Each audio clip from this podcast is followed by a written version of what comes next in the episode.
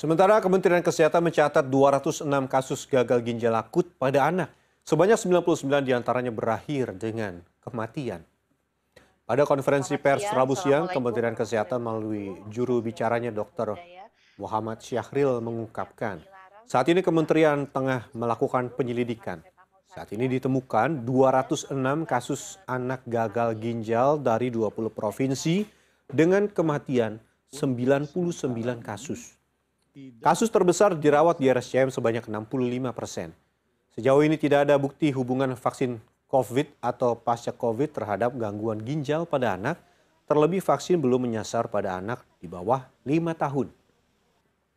Saat ini Kemenkes masih melakukan penyelidikan penyebab kasus anak gagal ginjal.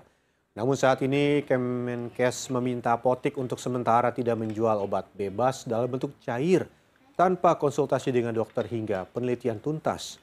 Kemenkes mengimbau anak mengkonsumsi obat kapsul, tablet, atau lainnya.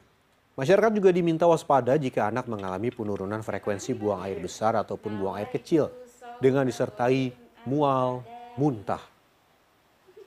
Disebut dengan gangguan ginjal akut progresif atipikal. Nah, atipikal artinya penyebabnya masih dalam penelusuran atau belum diketahui.